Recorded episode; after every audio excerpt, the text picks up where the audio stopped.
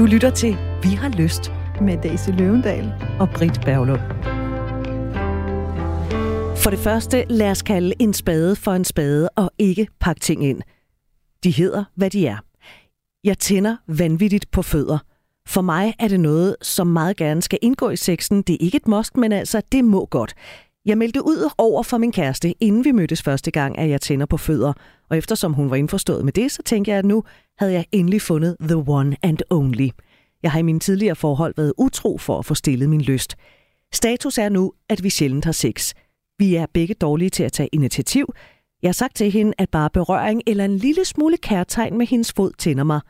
Og at hun faktisk ville kunne få alt det pik, hun vil have, hvis hun lige fortændte mig. Og det er en fod nok til. Ingenting sker. Hun er ikke meget for, at de bliver nusset. Hun vil gerne have dem masseret, men det nyder hun bare, og slet ikke på samme måde som mig. Og det er ikke det, der er formålet med min fodmassage. Og når nu jeg ikke kan få den fodsex, jeg ønsker, ja, så gider jeg faktisk ikke massere dem. Det er kommet så vidt, at jeg sidder og søger på sider, hvor man kan købe sig til sex. Men det er ikke sexlysten, jeg ønsker stillet. Det er trangen til fødder. Jeg har endda udgivet mig for at være zoneterapeut over for nogen, bare for at få nye fødder i hænderne og måske være heldig at få lov til mere. Det er utroskab, og jeg ved det, det piner mig. Jeg står sgu i lidt af et dilemma. Skal jeg blive hos hende, eller skal jeg finde en, hvor jeg kan få min trang og lyst til fødder stillet? Eller skal jeg indfinde mig med, at jeg bare ikke skal have fødder? Utroskaben eller opsøgen af fremmede fødder går i hvert fald ikke. Jeg føler skyld og skam. Min kæreste og jeg har i starten af vores forhold lagt alle kort på bordet, hvad angår de ting, som tændte os.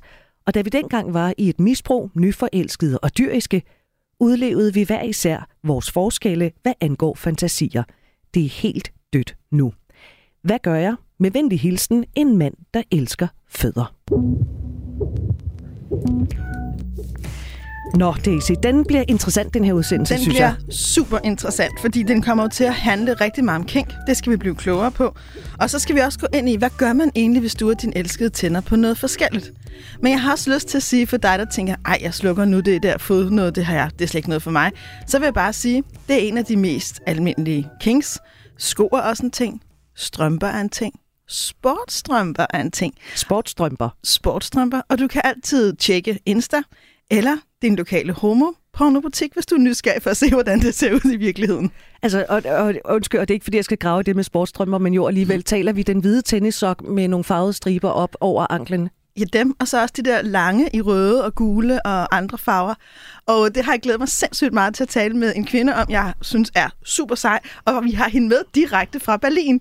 Der bor hun nemlig, det er Karina Kælet Linds, psykolog, psykoterapeut, parterapeut, seksolog og også forfatter til bogen, der hedder Samtalen om sex.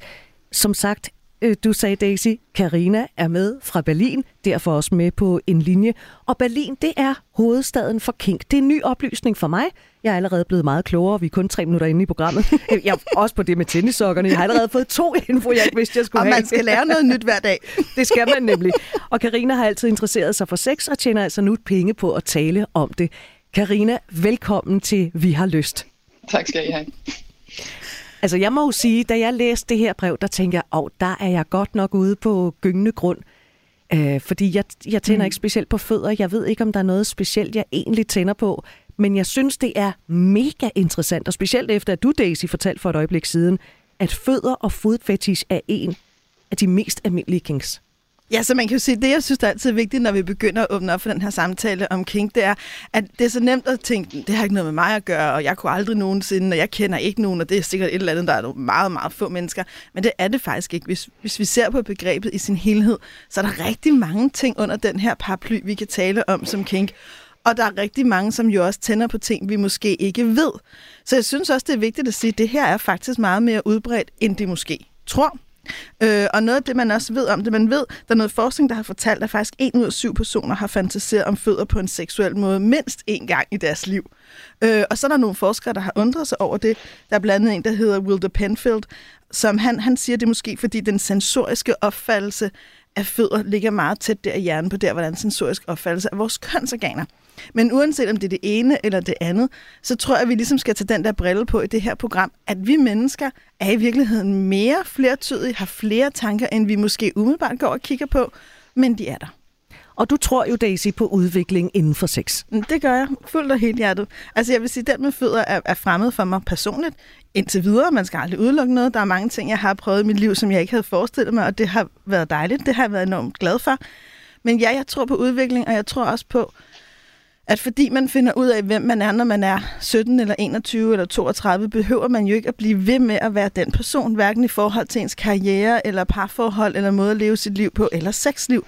Vi har jo lov til at blive ved med at udvikle vores smag. Jeg synes for eksempel, at Østers var fuldstændig rædselsfuld i 20'erne, og i dag der spiser jeg det med glæde. Jeg skal bare have den gode champagne til. Så der, der, så fik vi ligesom understreget det, hvis man har lyst til at invitere Daisy på champagne og Østers. Karina, når nu du bor i Berlin, hovedstaden for kink, hvor meget kan du genkende til mm. det her med, at, at fødder og, og, og sko måske, eller i det hele taget fodfetisk, det er en ret stor ting? Ja, det er det. Det ser man også i de forskellige butikker rundt omkring her i Berlin, hvor man sælger BDSM-gear og kink-gear. Øhm, at der er, der er meget tit noget sportstøj også indover. Der er måske nogen, der vil sige, at det ikke er en hardcore fetish, som for eksempel inden for BDSM, altså bondage, dominance, discipline og sadomasochisme. Øhm, der er der måske nogen, der siger, ej, det med, det med tennisstrømper, det er altså ikke øh, ægte nok, eller hårdt nok, eller whatever. Men, øh, men jo, det er ret almindeligt. Og det er jo også okay pænt at kigge på, synes jeg. Hvis man nu skal sige, øh, øh, forklare, hvad kink er, og nu nævnte du også BDSM, hvad er det egentlig for noget? Mm. Ja, det er nogle seksuelle praktikker, og men altså seksuelle som i en meget bred forstand, erotiske praktikker, fordi det ikke er altid penetrationssex eller orgasme, der er formålet med det. Og det er lidt, ja, altså lidt en blandet butik, man, man kan komme ind i, fordi at der er nogen, der praktiserer altså noget meget specifikt, som Daisy lige var inde på, for eksempel som øh, fodfetish. Men hvis man kigger på, hvad folk dyrker af, af sex, så kan sådan noget som bind for øjnene også allerede regnes som en kink-adfærd. Så, så der er mange forskellige ting, man kan, man kan lave. Men, og tit forstår folk under BDSM noget med, at nogen dominerer, eller nogen bliver domineret. Der er måske noget med pisk eller slag involveret, eller nåle. Altså, if you can think of it, there's porn of it. Det er sådan lidt den, uh, den kendte regel efterhånden. Men som altså, Alfred Kinsey allerede i 1950'erne sagde, at alt, hvad du kan tænke dig til, er naturlig adfærd, hvilket han kom lidt i en shitstorm øh, af på grund af. Men, øh, men altså, ja, vi, vi, vi mennesker er mangfoldige, og alt findes. Man kan jo også sige, at altså, der er jo så enormt mange underafdelinger af det her, men for nogen af dem, jeg taler med, der er kink også at involvere netop det der med, at der kun er nogen sanser, der er fremhævet, man for eksempel ikke ser, og så er der lyde eller berøring med forskellige ting. Og det kan jo mm-hmm. være alt lige fra en iskold kæde ja. til en fjer. Eller, altså, ja. Det er det der, det der, der er rigtig meget ja. kink, også når vi taler erotiske typer, som har at gøre med det overraskende, det uventede. Tag mig på eventyr, sæt mig et sted hen, hvor jeg ikke plejer at være. Altså, og på den måde der er jo også noget befriende i det, fordi det ikke nødvendigvis handler om netop noget ind i noget andet, og 1, 2, 3 og sådan orgasme. Det, det er på en eller anden måde, at det også en helt anden nu logik lyder så tørt, men, en, men en anden måde at gå ind i det erotiske på, end det der, nu skal vi ligesom knalde og have en orgasme, så det er oftest et, et, sådan et meget mere mm. um, frit univers, som er meget mere fokus på de forskellige helt sanser. Ja, helt sikkert. Altså det, du lige beskriver med 1, 2, 3 orgasme, det er det, jeg kalder for GPS model 6. Altså det, der ligesom tager dig fra A til B. Altså du starter med at kysse, og så ved du ligesom, okay, det her, det fører til penetrationssex. Og inden for kink og, og BDSM-verden vil jeg nok sige, det, det, det er ikke så GPS-agtigt, men hvis, hvis man skal blive ved det billede, så er det meget mere sådan et, lad os, lad os brede hele landkortet ud og kigge på det på sådan en lidt lejende måde, hvor meget er muligt og ikke noget skal. Og Karina, nu nævnte du lige uh, Alfred Kinsey, og bare lige for at sætte på ord på ham. Han er jo uh, en mand, der har uh, skrevet mm. Sexual Behavior in the Human Male og mm. Sexual Behavior in the mm. Human mm. Female. Altså en, en uh, zoolog og så professor mm. ved et universitet i USA, der har kigget nærmere på det her. Men når nu man taler om kink, Karina, Hvornår er mm. noget kink? Er det lige så snart, at man bevæger sig bare en lille smule væk fra, øh, fra motorvejen på GPS'en og tænker, uh, skulle vi være frække lige at køre igennem skoven i stedet for, at man tænker lidt ud over sin mm. missionærstilling? Mm det er meget afhængigt af, hvem man taler med, og hvilken forsker, og hvad for en tidsalder vi er i, fordi Kenzie jo netop, som sagt, var i 1950'erne, og, og altså begrebet sadomasochisme og hele grundlaget for at tale om BDSM kom jo endnu længere tilbage af Richard von Kraft-Ebbing, som skrev den her meget berømte Psychopathia Sexualis, som er en meget besværlig bog at læse, den kan jeg ikke anbefale. Men han sygeliggør jo alt, der ikke er reproduktiv sex. Reproduktiv, altså heteronormativ, penis i vagina, øhm, og om hun kommer lige meget, han kan ikke komme hurtigt nok. Og, øhm, og det er ligesom blevet det, det, som folk tænker, når de tænker sex. Og så er det jo, jo missionærstilling og hvide mennesker, der er unge og smukke. Ikke? Så meget, meget, meget begrænset opfattelse af sex. Hvor, hvor de her forskere har været med til at åbne op. Altså som du siger, Britt, han har skrevet, Alfred Kinsey har skrevet de her bøger. Øhm, og sidenhen er der sket endnu mere forskning, og har man, er man begyndt at kigge på det her med kink og BDSM-adfærd, og faktisk i den nyeste DSM, det er sådan den psykiatriske bibel, der har man den nyeste version fra 2013, der har man faktisk fjernet øh, BDSM, altså sadomasochisme osv., har man faktisk fjernet som diagnose, fordi det blev sygeliggjort i, i meget, meget lang tid. Og det får jeg lige lyst til lige at understrege. Det er i 2013, at man har fjernet BDSM som en sygelig adfærd. Altså det tal, det vender jeg faktisk mm. ofte tilbage til, fordi det siger enormt meget. Så selvom vi lige nu lever i en tid, hvor folk sidder i biografen og spiser popcorn og ser 50 Shades of Grey, så er det altså meget, meget kort mm. tid siden, at det er bare at have tanker omkring mm. de mm-hmm. ting og, og have den lyst var forbundet med så stor mm. en mhm. skam, at vi slet ikke kan forstå det. Mm-hmm. Og det synes jeg er vigtigt, fordi når man møder mm. mennesker, der bare er en lille smule ældre end, eller også masser på min alder, jeg er midt i 40'erne, så er det noget, vi har med os. Og ikke bare på grund af vores eget lille individuelle et eller andet, men fordi samfundet havde en forståelse af, at det var decideret sygt. Og det, og det er vi nødt til, når vi har samtalen om sex, hele tiden at huske, at vi, det, det er så nyt, at vi i virkeligheden er begyndt at fritsætte os selv fra en meget, meget, meget stram norm. Og nu, Karina, nu er du lidt øh, stærkere til, til, til de historiske linjer, end jeg er. Men Kraft Ebing, hvornår var det nu, han skrev hans hovedværk? Det var lige omkring 1890'erne. Altså, altså han var Freuds lærer. Ja, så, så, så han, vi... går lidt, lidt, han er lidt tidligere end Freud. Ja. Så, vi skal, så, så prøv lige en gang at tage det tal. 1890'erne. Ikke? Der er sex, der er normalt udelukkende. Mm. Mand, der penetrerer kvinde, tager GPS-modellen, får en mm. udløsning med henblik på reproduktion. Alt andet, alt andet er sygt. Det vil sige, at dig, der mm. lytter med, ved at gøre med en rigtig god flaske champagne på, har gjort noget, der på det tidspunkt blev anset for at være sygt. Altså det er kun 130 år siden? Det er 130 ja. år siden. Så det er også derfor, at vi står mm. jo i virkeligheden midt i en ret vild seksuel revolution. Og så er det også derfor, når vi mm. nogle gange i det her program vender tilbage til skam, det er vigtigt at huske, også sådan en mand som ham, der har skrevet det her, da jeg læste for kuldegysninger, fordi jeg bliver fandme så taknemmelig over, at han gider at skrive det her til os. Det er en kæmpe tillidserklæring, og det er mega sårbart. Og det er nemt, det er rigtig svært at mm. åbne op for det her, fordi der er så meget frygt på, at andre bare siger, at han er da bare en særling, eller det må han da bare lade være med. Men, når det er en del af ens seksuelle tænding, så er det en del af en. Mm. Det er ikke noget, vi bare kan, det er ikke mm. en knap, vi bare ja. kan trykke på, som så ikke er der. Nej, lige præcis. Altså sådan er det jo med, med seksualitet for, på, på rigtig mange områder. Og man er også begyndt mere og mere at tale om kink og BDSM som værende en seksuel orientering. Altså der er mange, der ser det som en del af deres identitet, så du har fuldstændig ret, Daisy. Altså det er elementært for nogen, at de ligesom kan, kan, kan bringe det her med ind i deres kærligheds elskovsleje. Mm. Og jeg synes, også, jeg synes også, det er mega fedt med det brev. Det er jo fedt, at han kan stå ved det altså ikke bare, at han ved det, men at han siger det højt og taler med kæresten om det. Det, det vil jeg da, altså hurra for det. Det skal da fejres. Så på den måde, det er jo rigtig godt. Mm. Og han har jo sagt det up front. Det er jo ikke noget, sådan, han, han har gået og puttet med. Han har været meget bevidst om, at det er det, jeg tænder på. Og så har han sagt det, da han så har mødt mm. hende, som nu er hans kæreste. Det her, mm. det er mindblowing for mig. Altså, det er måske lidt voldsomt ord at bruge, men det er det faktisk, at det kun er 130 år siden, at alt andet en, en klassisk missionær penetrationsstilling blev anset som værende sygt. Det er under 10 år siden, at ja. BDSM blev fjernet fra listen. Det er jo fuldstændig vanvittigt. Mm-hmm. Så Karina, hvad gør man som par, hvis mm. man tænder på noget forskelligt, når det nu er så øh, få år siden, at alting åbenbart har været i gåsøjne forbudt? det, et, altså nu tænker der er op til flere ting i det spørgsmål. altså, fordi, fordi for det første, hvis man tænder på noget, der er forbudt, det er det ene, men samtidig, hvad gør man, når man har forskellig lyst? Øhm, jamen, så jeg, jeg tror lige, jeg vil fokusere på det med forskellig lyst. Ja, hmm? men når jeg, jeg taler om eller? forbudt, altså så det, der var forbudt for 130 år siden, eller bare BDSM, som åbenbart var øh, mm. i gåsøjne forbudt indtil for små mm. 10 år siden. Hvad gør man, når man mm. tænder på noget forskelligt?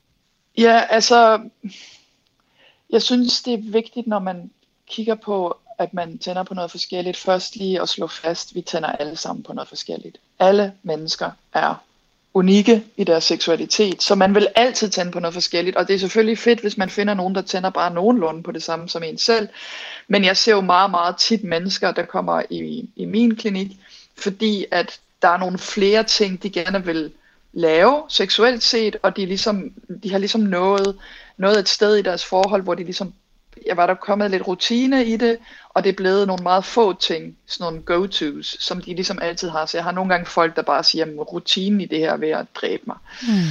Og der, der tænker jeg, altså for det første, der, der vil altid være forskel. Det er bare forskelligt, hvor meget vi taler om de her forskelle. Fordi i starten af et forhold, der er man meget i den der fusion og, og, og i gang med at lære hinanden at kende, og der minimerer man forskellene typisk. Også fordi man er så forelsket. Man tror bare, wow, jeg har fundet personen. Men så senere hen er det jo tit, at forskellene dukker op igen, fordi at de er en del af vores øhm, identitet, altså vores seksuelle identitet, eller erotiske mm. identitet.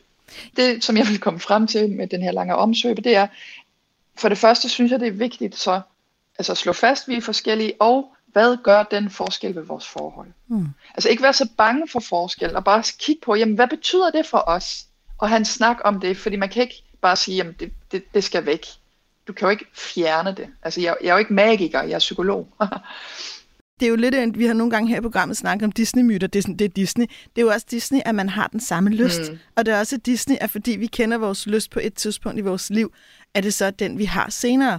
Og det er jo det, er jo, det, er jo det jeg synes, mm. man skal huske med. To mennesker mødes på et eller andet tidspunkt, sommeren 2013, eller hvornår det nu var, sød musik opstår, man er mhm. forelsket, man er totalt tunet ind på hinanden, alt, ens, alt inde i en gør, man er super sensibel over for den anden, man finder en seksualitet, der fungerer, der er spændende.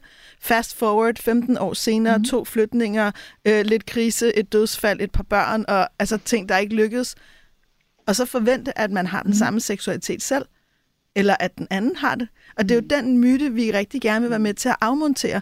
Nogen, for nogen når, når nu taler vi om kink også i det her program, der er det en del af deres identitet, de måske mm. har opdaget som unge, og så er de sprunget ud. For andre er det også noget, hvor man springer mm. ud, hvis man skal bruge det udtryk senere, og finder ud af, at det her er i virkeligheden ja. mig, og har måske altid været det. Og for andre er det mere en rejse, mm. hvor det er, at man mm. starter et sted i sin seksualitet, så begynder man at udvikle sig og bliver nysgerrig på noget, og tænker, det er ikke fordi, jeg er nødt til at gøre det her, men jeg har lyst til det her. Det er det, der er spændende for mig nu, lidt ligesom når jeg bruger i metaforen om østers, altså, var det vigtigt for mig at spise øster, da, der mm. var i 20 Nej, det var pisselig gyldigt. Altså, jeg, havde, jeg var ung, og jeg havde ikke nogen penge, så jeg var rigtig glad for at spise pasta. Men i mit liv nu er et sted, hvor jeg tænker, så lad mig prøve at gå ud et eller andet sted, hvor de laver de der østerskot og se, hvad det kan give. Det er jo også et udtryk for, at man har lyst til at mm. opleve noget i livet. Og vores seksualitet eksisterer på hele den række fra noget, der er dybt indgroet vores identitet, og noget, der giver os lyst og glæde og nysgerrighed, fordi det er også en del af det erotiske og vi forandrer os. Mm. Ja, altså, den er jo den er tosporet, den der, fordi ja, ja, vi kan forandre os, og der er nogen, der, der springer ud senere og siger, jeg, jeg er faktisk øh, til kink, eller jeg er til kvinder, øh, hvor jeg hele tiden troede, jeg var til mænd. Så på den måde, for nogen kan seksualiteten godt virke flydende eller mm, voksende, og så samtidig synes jeg, det er meget vigtigt at nævne, at man har jo lavet forsøg for at ændre folks seksualitet. Og der er nogle dele af vores seksualitet, som vi ikke kan ændre. Altså, mm. du kan ikke gå bevidst ind og sige, nu, nu har jeg ikke lyst til at være heteroseksuel mere. Nej, præcis. Øhm, og, ikke også? Så på den måde, altså, der... Der, der, der er noget fundamentale er elementer. Ikke? Der er nogle, man kan sige, der er nogle statiske elementer, der er nogle dynamiske elementer. Og det, jeg synes, der er vigtigt at værne om, det er, den seksuelle identitet, man har, inklusiv ens orientering, og lige nu også inklusiv ens kink eller BDSM, skal jo have lov til at være der. Og, det, mm. og grunden til, at jeg også synes, at det er vigtigt at tage mm-hmm. fat i det her program, det er, det er jo, projektet for ham her skal jo ikke blive at være en anden. Det skal jo i virkeligheden være, hvordan kan han være den, han er, inklusiv hans lyst til fødder, måske i det parforhold, mm. han har. Og der synes jeg, du sagde noget før, der var ret mm. godt. Der er jo også nogle muligheder. Han ønsker jo noget andet end GPS-modellen. Mm-hmm.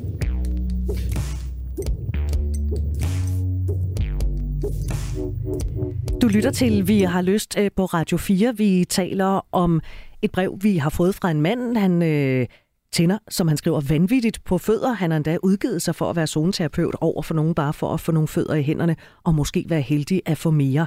Og så skriver han, jeg står sgu i lidt af et dilemma. Skal jeg blive hos min kæreste, eller skal jeg finde en, hvor jeg kan få min trang og lyst til fødder stillet? Fordi hun øh, er ikke rigtig med på det her fodfetish. Og til at tale med om det her har vi Karina Kælet Lins, der er psykolog, psykoterapeut, parterapeut og seksolog, og også forfatter til bogen, der hedder Samtalen om sex. Og Karina har vi med på en linje, for Karina bor nemlig mm. i Berlin, der i øvrigt også er hovedstaden for kink. Og nu, Daisy, lige for et øjeblik siden, der sagde du det her med, at øh, hvordan kan han leve i et forhold og samtidig, altså leve det forhold, han er i, og samtidig have fødderne som en fetish, uden at skulle lukke ned for sig selv. Og du siger jo, at øh, forskellighed kan måske ovenikøbet være en styrke. Ja, det mener jeg, fordi hvis vi i virkeligheden tør åbne os for, at nej, man er ikke altid ens, og man er ikke altid lige der, hvor man var, da vi mødte hinanden, så kan det jo gøre, at vi kan netop begynde at åbne nogle landskaber. Okay, så ligesom han kan sige, jeg har lyst til det her, kan hun også, han kan spørge hende, hvad har du lyst til? Hvad drømmer du om? Hvad fantaserer du om? Det her, det er mig. Og så er det jo ikke det samme som, at man nødvendigvis skal opfylde hinandens behov, eller man nødvendigvis skal åbne ens forhold. Det er der, det er der, en, masse, der er en masse uløste spørgsmål i det. Men bare det der med i virkeligheden at åbne op. Det her har jeg lyst til. Hvad har du lyst til? Hvad giver det altså noget, vi kan sammen? Og hvad giver det altså noget, vi ikke kan sammen? Og hvad med det, vi ikke kan sammen, hvordan håndterer vi det? Men jeg synes, præmissen må være, at når det for ham her, som han skriver om, det er så vigtigt at integrere en del af hans seksualitet, så som han også siger, så den kan ikke leve i mørket, for det fører til bare til skyld og skam og utroskab, og det har, og det piner ham. Så den er jo nødt til at blive givet en plads. Det vil sige, hun er også nødt til, hvis hun vælger at være sammen med ham, og erkende, at hun vælger at være sammen med et menneske, der har den her lyst. Ja, fordi han skriver, hun er ikke meget for, at fødderne bliver nusset. Hun vil gerne have dem masseret. Det nyder hun, men slet ikke på samme måde som ham. Og det er ikke det, der er formålet med min fodmassage, skriver han. Og når jeg nu ikke kan få den fodsex, jeg ønsker, ja, så gider jeg faktisk ikke massere dem. Altså, det er sådan lidt en catch-22. Øh, hun vil ikke det, han vil ikke det, og så bliver det ikke rigtigt til noget. Præcis. Og hvad tænker du om det, Karina, når du møder de her, jeg kalder dem sexknuder, så sidder vi lidt fast i det, ikke? Jo, men det er jo en knude som alle, alle de andre. Altså, der er jo et meget, meget, meget genkendeligt mønster der. Altså, jeg forestiller mig sådan to mennesker, der sidder med, med armene krydset over hinanden og sidder surmuler hver i deres hjørne. Ja. Fordi han, han bevæger sig jo meget langt væk fra hende når han så siger, så, så gider jeg heller ikke massere fødder. Altså jeg synes, det bliver sådan meget sådan, hvis ikke du tager første skridt, så gør jeg heller ikke. Og det, det er typisk paradynamisk. Øh, ja, altså at, øh, det ligger ligesom op til konflikt, fordi at man sidder kun og ser det fra sin egen side. Ikke?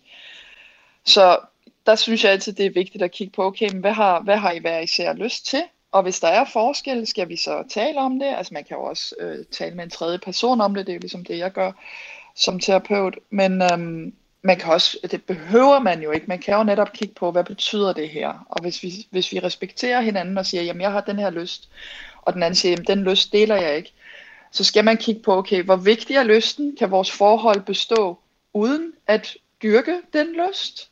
Fordi nogen siger, jamen jeg vil hellere beholde forholdet, end jeg vil dyrke min lyst. Sådan bliver det lidt et enten eller for nogen.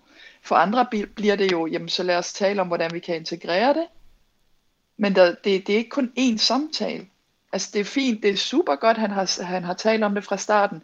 Men hvis han går bag hendes ryg, og han endda, altså, endda udgiver sig selv for at være zoneterapeut, hvilket jeg jo lige vil sige som fagperson, det er jo dybt uetisk selvfølgelig.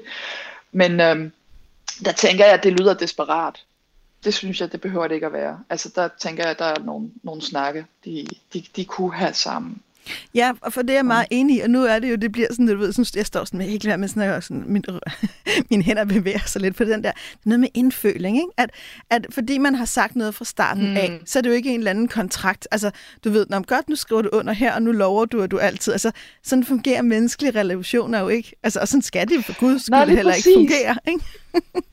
Nej, lige præcis. Og hvis han forventer, at hun bliver tændt, fordi han masserer hendes fødder, altså, hvor jeg sådan lidt, jamen det er jo ham, der bliver tændt. Hvorfor skulle hun blive tændt af det? Det er jo ham, der bliver tændt. Så på den måde skal han også huske, jamen hvad, hvordan får jeg hende med ombord? Hvad kan jeg gøre, sådan at det bliver sjovt for os begge to? Og det vil jeg typisk spørge som terapeut. Vil det være interessant for jer begge to at kigge på, om der er nogle ting, I kan lave sammen, som I synes er rart, og så er der muligvis også mere, hvad hedder det, sådan noget goodwill for så også at være med til nogle ting, hvor man siger, det er ikke mit kink, men jeg, men jeg synes, det er fedt, du tænder på det, og jeg tænder på at tænde dig. Altså, den, den mulighed er der jo også. Men hvis de slet ikke taler om det mere, og det er bare blevet sådan en, ja, altså hvis, hvis han er blevet kinkshamed lidt, og på en eller anden måde sådan har en fornemmelse af, jamen det der med fødder, det, det er også specielt, eller det, det ved jeg jo ikke, om han har, om han har en dårlig følelse ved det. Men jeg tænker, det skal Nå, man have åbnet op for. Præcis, fordi det er jo i virkeligheden udskamningen og forkertliggørelsen af hinanden, som gør, jeg synes, det er sådan et fint billede, Karina, så sidder der to mennesker med foldede arme, hvor det vi netop har brug for, det er at komme mm. ind på et fælles legeplads. Og jeg, det er så lidt noget andet, men jeg arbejdede med et par på et tidspunkt, hvor han var rigtig meget til bondage. Det var super vigtigt for ham. Altså både, der var noget mm. med at mm. få lov til at dominere på den måde, der var også det, han talte også meget om det visuelle i det, og det æstetiske i det, og han, havde behovet mm. for at få lov til, at hun overgav sig. Men noget af det, vi brugte terapien på, var at tale det igennem, og så fandt hun ud af, at hvis det ligesom også kunne inkludere meget smukke rum, og sterinlys, og sådan nogle hun kunne godt lide sådan aromalys med dufte. Altså sådan, så det var meget sådan mere sansligt, mm-hmm. og mere sansligt i stimulationen, og han mhm. viskede søde ord undervejs, og fortalte hende, hvor smuk hun var, og altså, så, så nærmede det sig noget hendes seksualitet, sådan at nej, det var ikke det, der gjorde hende allermest liderlig og helt op at ringe, men det gav hende faktisk en dejlig følelse af nærhed med ham, som så gjorde, at han lidt mere mm. kunne inkludere noget af hendes lidt mere, lad os sige, sanselige. Og, og når to mennesker i virkeligheden mm. på den måde, vi kan nærme os lidt hinanden, så er der jo noget meget smukt og kærligt i det. Ja. Det er jo egentlig det, der er. Så transcenderer vi os selv. Og det er jo det, som jeg synes er interessant her, fordi jeg ved ikke, hvad hun tænder på. Jeg ved kun, hvad han tænder på. Ikke? Så på den måde er det jo også, det er jo netop også spørgsmål om, jamen, altså, det synes jeg er rigtig fint, du siger det, Daisy, altså, at man kan, man kan netop finde ud af, jamen er der en måde at flette det sammen på? Og dertil vil jeg jo ikke sige, at nogle gange fungerer det ikke, fordi der er også mange mennesker, der har prøvet alt muligt, og derfor kommer til, til os seksologer med, med det her spørgsmål omkring, jamen nu har vi prøvet, hvad skal vi gøre? Og ligesom han siger i brevet, skal jeg gå fra hende? Hvor jeg tænker, nej, det skal du ikke. Altså for det første skal ingen noget som helst for, for mit vedkommende. Men, men de kunne måske også tale om, okay, hvis hun for eksempel siger, nej, jeg, jeg er virkelig træt af det med fødder, altså jeg kan simpelthen mærke, at jeg tænder af på det nu, så det er jo også fair nok, ikke? fordi det kan være, at hun har bevæget sig for langt. Og så synes jeg også, at det er vigtigt, at han snakker om, jamen, er der nogle alternativer? Og nogle par finder så ud af, jamen, jeg synes faktisk, det vil være godt, hvis du fik, din, hvis du fik nogle fødder i hænderne igen. Øhm, lad, os, lad os kigge, om, om vi kan finde en, en god fodpartner til dig, sammen. Altså at de gør det til et fælles projekt, og finde et sted, hvor han ligesom kan få nogle fødder. Øhm, men altså, han, altså det kræver noget mod, fordi han indtil videre har gjort det bag hendes ryg, men det har han det ikke godt med heldigvis. Det er jo det, og derfor skam nogle gange også kan være godt, fordi han skammer sig over, at han har gjort det. Det er måske fordi, at det er måske bedre at være åben omkring det. Ikke? Og, og, og, og hvis forholdet kan bære det, Altså hvis, hvis de har et godt forhold, og det lyder som om de startede ud med et rigtig godt forhold, men de har bevæget sig langt væk fra hinanden, så er spørgsmålet nu, om det ikke kan bevæge sig mod hinanden igen, ved at tale åbent om det her, og så finde ud af, okay, så vi er forskellige, og hvad kan vi gøre med det? Og så er der virkelig nogen, der siger, jamen altså, ikke fordi det behøver at være et åbent forhold på den måde, men øh, et åbent forhold kan jo betyde mange ting. Men det synes jeg er en super god pointe. Så i virkeligheden, hvis man skal opsummere lidt til nogle redskaber til dig, der lytter med, man kan starte med simpelthen at blive sådan meget klog på, hvad vil jeg gerne udforske seksuelt? Hvad vil du gerne udforske seksuelt? Han samtale om det. Er der noget, hvor vi kan nærme os hinanden? Og hvis man så finder ud af, her er der noget, hvor vi ikke kan nærme os hinanden, så skal man skal aldrig som menneske gå over sin egen grænser, og slet ikke ens seksuelle. Det, det, det fører altid kun endnu mere af det, vi gerne... Altså, det, det er bare en blind vej, ikke? så kan man sige, mm. okay, så hvis det så er noget imellem os, vi har alle de her ting, der er gode, men vi deler ikke den her lyst, eller vi deler ikke den her kink, hvordan kan vi så sammen, jeg elsker du siger det, Karina, hvordan kan vi så sammen håndtere det? Ikke ved, at vi går ud og gør en masse ting som utroskab, men hvordan kan vi åbne vores forhold op på en måde, hvor det kan fungere for os begge to. Den samtale og den refleksion er jo super vigtig, også hvis den fører til, at man finder ud af, det kan vi ikke nu har vi undersøgt det, vi kan ikke mm. finde en måde at være med det her på, som kan fungere, så er det jo også et, et mere mm. roligt sted at stoppe et forhold på. Så det er jo et mere bevidst parbrud, end hvis det bare bliver den der armene over kors, og så er der også lige meget, nu skrider jeg. Ja, det er præcis. Og jeg synes også, altså omkring det her med øhm, det her tip, jeg synes faktisk, der er et mellemskridt mellem at, at, at have en samtale om ens lyster, som som jeg egentlig aldrig sådan har givet med som tip, men, men det vil jeg godt her. Det, det er bare noget, jeg, jeg plejer at gøre i klinikken, altså i, i samtaleterapi, det er, at jeg også kigger på, før jeg overhovedet taler om det her sammen, hvad er din frygt så? Hvis du nu skulle åbne op omkring dine lyster, har du noget, du er bange for? Hvad tænker du, din partner vil tænke om det her? fordi at nogle mennesker skammer sig så dybt og siger, jamen det her, det er jo, altså tilbage til den der penetrations-GPS-model, fordi at der stadig er de her gamle spøgelser, som gør, at vi ligesom tænker, at der er en helt bestemt måde, man skal være på, altså man skal i øvrigt også være monogam osv. osv. Alle sammen ting, som vi ved kun fungerer for halvdelen af befolkningen. Jamen så er det jo godt også at tage det skridt, der hedder, hvis jeg selv overvejer at tale med min partner om nogle af de her ting, hvad frygter jeg så? Er der noget, jeg er bange for? Er der noget, jeg... Det kan også være, at jeg ikke skammer mig om det, men at jeg er bange for at sove min partner. Mm. Så, så også lige at, at stå, stå stille ved det, som man siger på, på hollandsk. Men det synes jeg er en super, super vigtig pointe, og i virkeligheden også tænke på, hvordan kan man give hinanden tillid. Mm. En ting, mm-hmm. han skriver i ja. sit brev, og, og tak fordi du har vist os tillid og skrevet til os. Øh, sidder du og lytter med, og kunne du godt tænke dig at skrive til os, så er det lyst radio4.dk. Han skriver, min kæreste og jeg har i starten af vores forhold lagt alle kort på bordet, hvad angår de ting, som tændte os. Og da vi dengang var i et mm. misbrug, nyforelskede og dyriske, udlevede vi hver især vores forskelle, hvad angår fantasier – og der var lige et ord der, hvor jeg spærrede lidt øjnene op, nemlig misbrug. Vi, ja, vi ved jo i misbrug. vi ved ikke, hvad misbruget det dækker over, hvad det, hvad det handler om, det misbrug. Mm. Men det vil i virkeligheden en måske, nu ved vi heller ikke, hvor mange år der er gået, siden at de har mødt hinanden. Mm. Men den kontrakt, hvis man kan tale om en kontrakt, de har indgået i sin tid, den kan man vel så godt rive i stykker, hvis de var i et misbrug dengang og ikke er det i dag. Eller hvad, Karina? Jamen, altså, jeg, jeg, jeg, jeg faldt også lidt over det der ord misbrug, fordi at jeg tænker, hvad er det så for nogle samtaler også, de har haft? Altså, ud, ligesom du siger, kontrakten, jamen, altså, hvad er det overhovedet, de har bygget op i starten? Har, har de, har de virkelig haft de der fede samtaler, eller synes han, de havde nogle fede samtaler? Nåede de hinanden? Altså forstod de virkelig hinanden? Fordi jeg er lidt afhængig af, hvad for et misbrug det har været. Det er jo ikke til at vide. Øhm, og hvis, de, hvis, de kom, hvis det var fantastisk, hvad angår fantasier, og de, de udlevede dem osv., øhm, jamen var det så, mens de tog nogle stoffer? Er de så holdt op med at tage stoffer? Er det derfor, det er helt dødt nu? Altså, jeg har så mange spørgsmål. ja.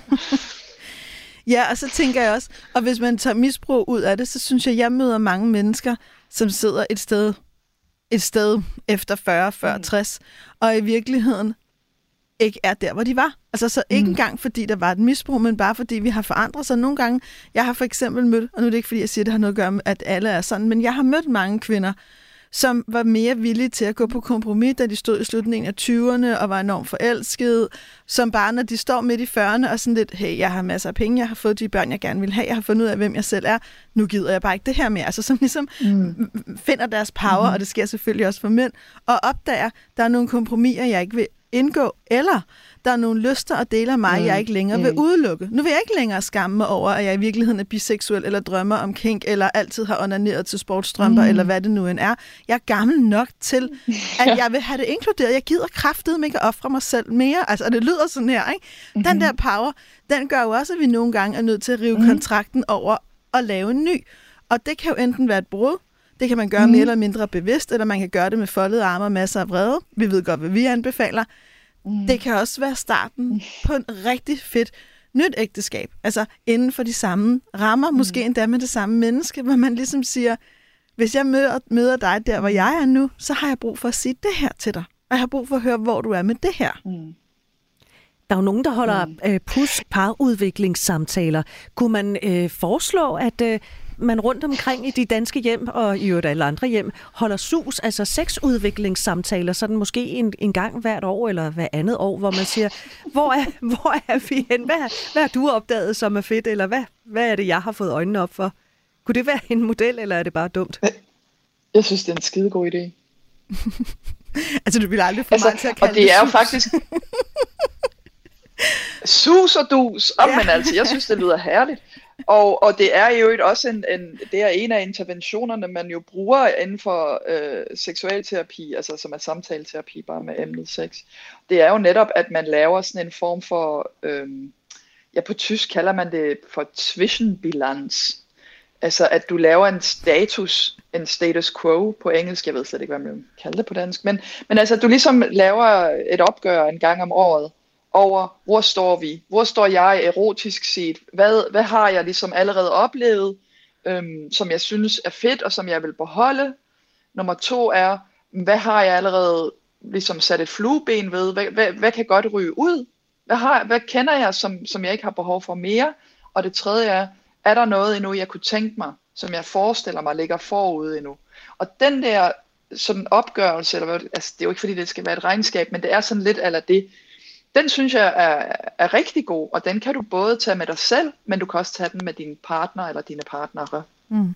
Altså, jeg, jeg er jo stor fortæller det der, men jeg aldrig vil bruge de ord, og jeg synes jo, det er vigtigt. For mig er det også et mindset, at det er en, mm, en switching måske på tysk, Karina, ikke? Nu, nu, øh, men, øh, men, men det der mindset i, at vi hele tiden viser, hvem vi er, og lærer hinanden at kende, og faktisk, for mig er det en grundværdi som menneske, at jeg tør lytte til min længsler og drømme. Altså, det, det, jeg synes faktisk, mm. at det, der foregår på indersiden af os, er så vigtigt, at jeg synes, det er ærgerligt at smide væk. Og det er gratis, og man kan få vildt meget mm. sjov ud af det, og man kan gøre det på et muligt tidspunkt, og det behøver ikke at være kompliceret. Men det kræver jo, at man, har en, at man er på en måde i verden, og er i et parforhold, hvor det, at vi kigger på hinanden, og er ærlige og autentiske, og tør drømme, og også nogle gange drømme om ting, som ikke mm. kan ske, eller grine af hinanden og sige, ja, okay, det lyder spændende, Hvordan mm. vil du få det til at ske? Jamen, det ved jeg ikke. Det kan også være, det ikke skal ske, men nu har jeg sagt mm. det. Nå, okay, altså, ved ikke. Jeg synes, ja. det er en sindssygt vigtig... Ja, ja, fedt. Det er også noget, det vi ved fra forskning, at par, der faktisk formår at have den her vitalitet, ofte mener, de selv er lykkeligere. Mm. Ligeså vel som vi ved fra forskningen, at par, der mm. mener, de selv har et spændende sexliv, øh, rent faktisk også opfatter sig selv som mere lykkelige. Altså, så er det egentlig også bare for at sige, det er jo ikke kun, hvad der reelt sker, det er jo mm. også, hvor meget tør vi være i kontakt med det, der er i os. Mm. Ja, og det, det er rigtig fint, du siger det, fordi at, at en, en sund seksualitet, altså som man selv er tilfreds med, fører os til et længere liv. Men altid et men lige der. Mm. Fordi jeg også synes, det er vigtigt at sige, det er ikke alle, der har lyst. Det er ikke alle, der er interesseret i sex. Der er også nogen, der siger, at jeg er et sted i mit liv, hvor, det, hvor jeg bare kan sætte et kæmpe flueben ved det, og bare sige, at jeg, jeg, jeg er færdig. Ja. Jeg har ikke lyst. Jeg har ikke, altså, hvor, hvor man kan have alle mulige andre ting i forholdet, hvis man er i et forhold, der kan være vigtige. Sådan at, at man ligesom, altså, ligesom vi skal kunne stå ved, jamen jeg kan godt lide at dyrke kink, eller jeg kan godt, øh, jeg elsker min biseksualitet, eller hvad det nu kan være, at man også giver plads til, at man kan tale om sådan, pff, jeg går heller i teateret, eller mm. jeg spiser gerne østers, men, men, men it stops there. Altså. Jamen præcis. Men for mig, for mig hænger de to ting sammen, fordi i mit hoved, der det at kunne udtrykke, hvad vi vil, hænger uløst sammen med, hvad vi ikke vil. Ligeså vel som ja og nej i mit hoved mm. også er fuldstændig integreret. Så, det, ja. så jeg tænker, de par, men, der ofte også kan sige, ja. lige nu har jeg ikke lyst ja. til sex, lige nu har jeg lyst til øh, rødvin og teater, eller bøger, eller ro, er jo også ofte de par, mm. der er i stand til at have en samtale om, hvad der egentlig er på spil for dem. Ja. Jo, helt sikkert.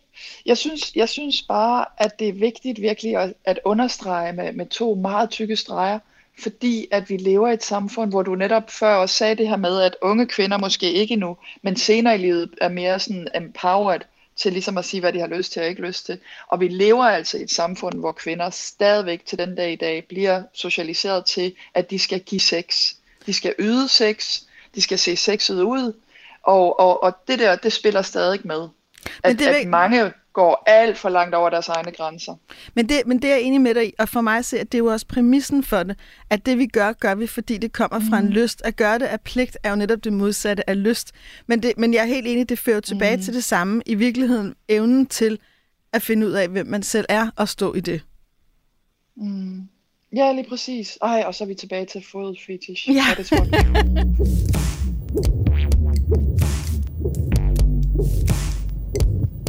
Du lytter til Vi har lyst på Radio 4. Vi taler med Karina Kelet Linds, der er psykolog, psykoterapeut, parterapeut og seksolog, forfatter til bogen, der hedder Samtalen om sex. Karina har vi med på en linje, fordi Karina bor i Berlin, der er hovedstaden for kink.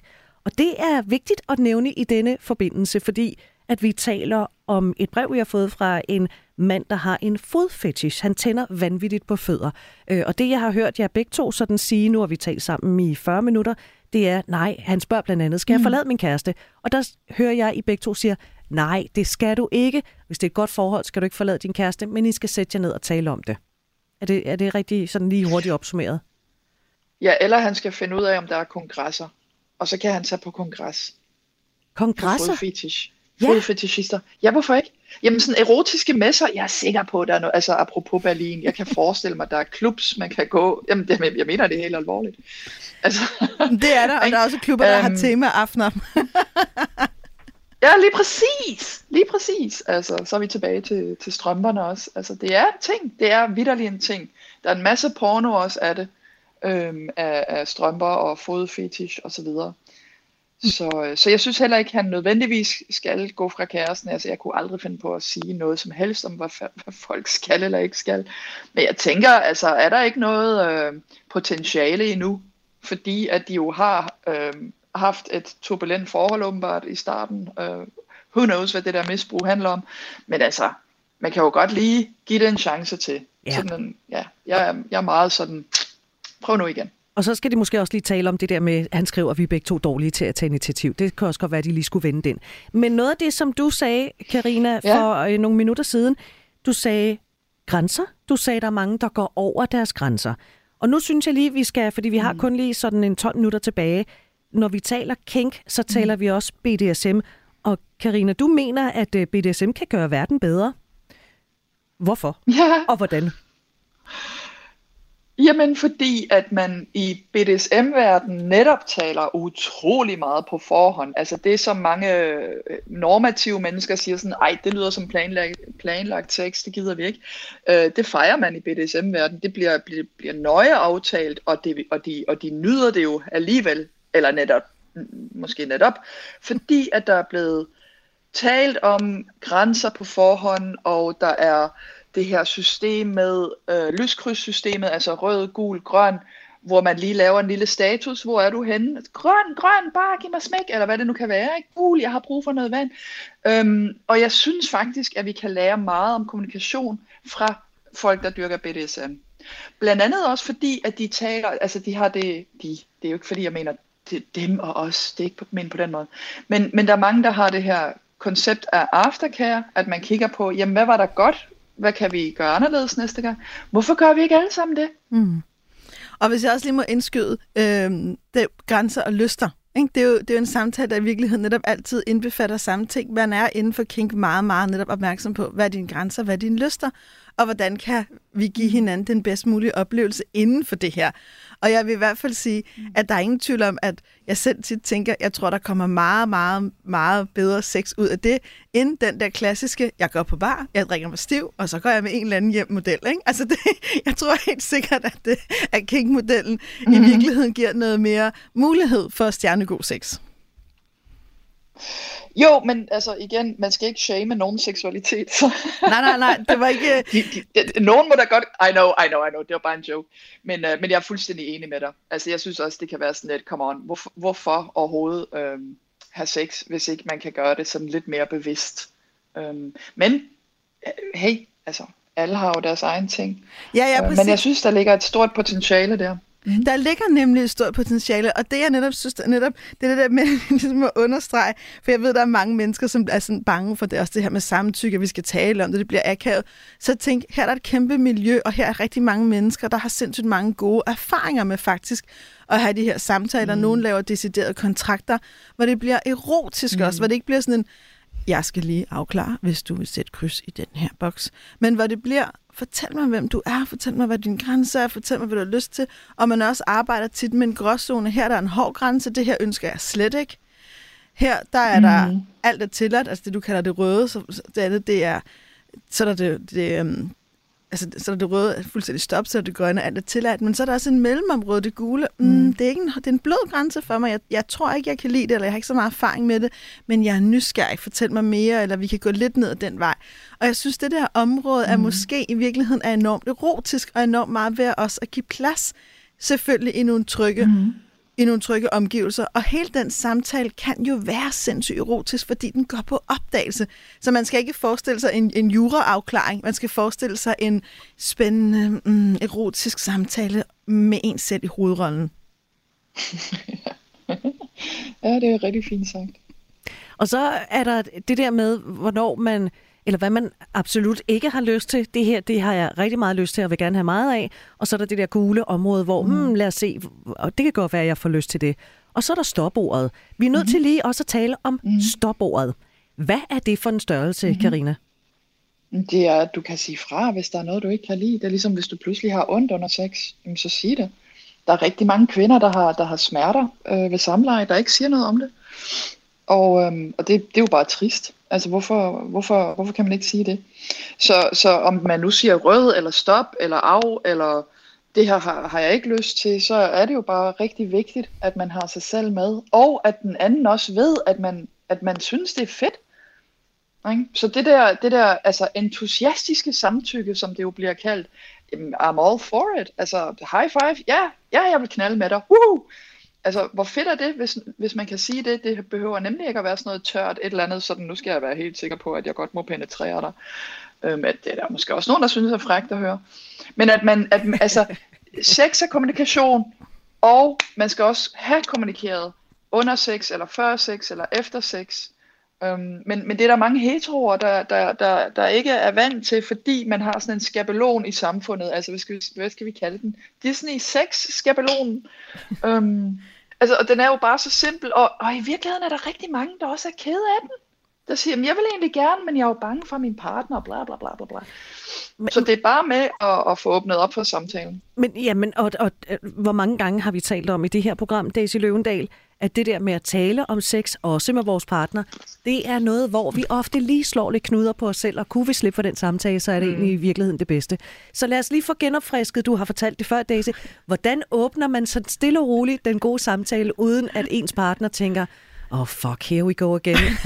Eller øh, løber skrigende bort.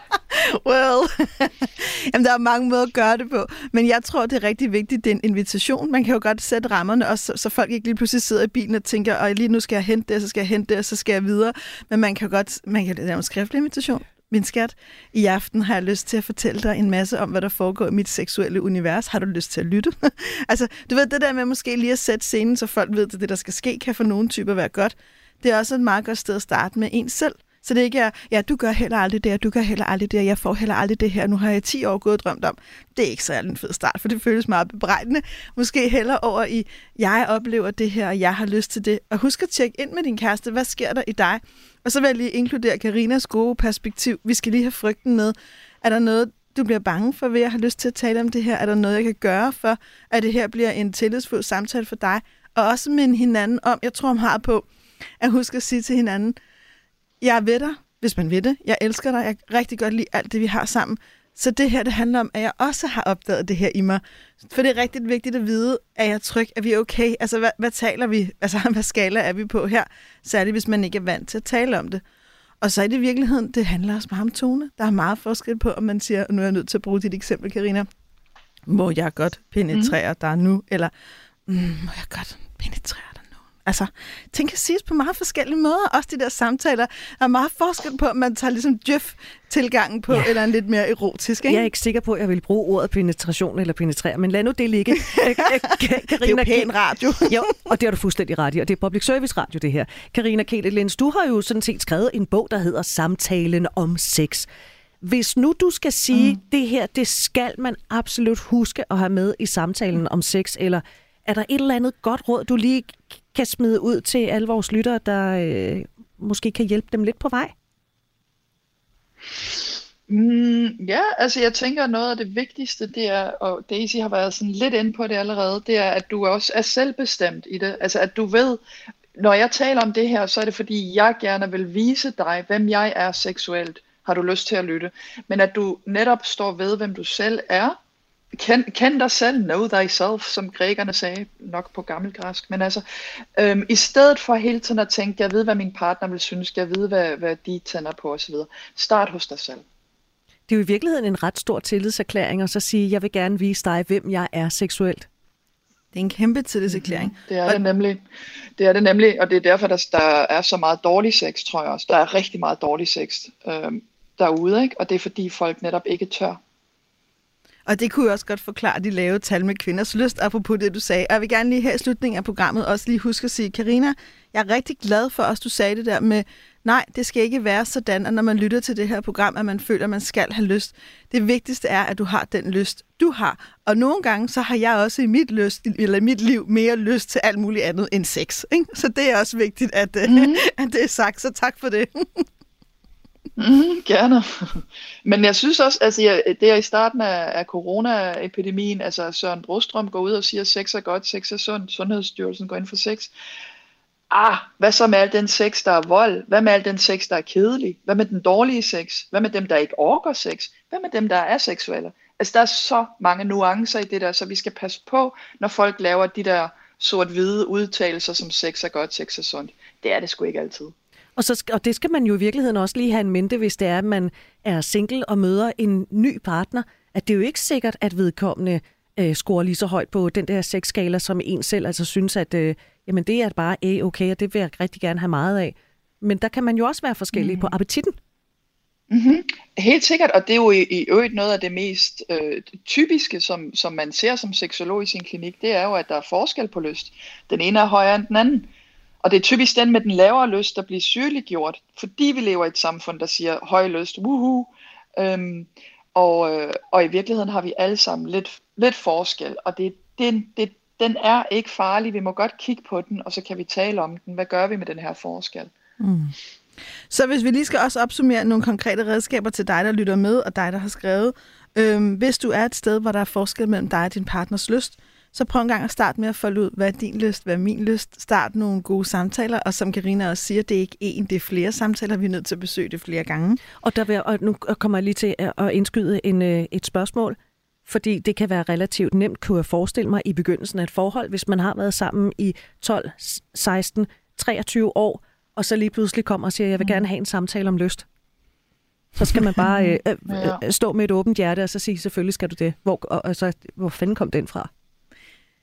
Er det et ja, spørgsmål? meget forsigtig og nænsomt.